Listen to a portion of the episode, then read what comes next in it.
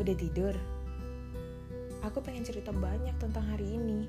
Dari pagi hingga petang, aku menyibukkan diri masuk ke dalam hiruk-pikuk dimensi manusia yang lalu lalang. Mendengarkan banyak cerita mereka yang sedang jatuh cinta ataupun mereka yang sedang saling menemukan. Tapi, kamu tahu tidak? Setelah petang berganti kelam, aku sadar. Ternyata aku masih ingin berlari lagi. Mungkin kali ini lebih jauh tidak untuk bertemu dengan banyak manusia, tidak untuk menjadi pendengar mereka yang sedang suka.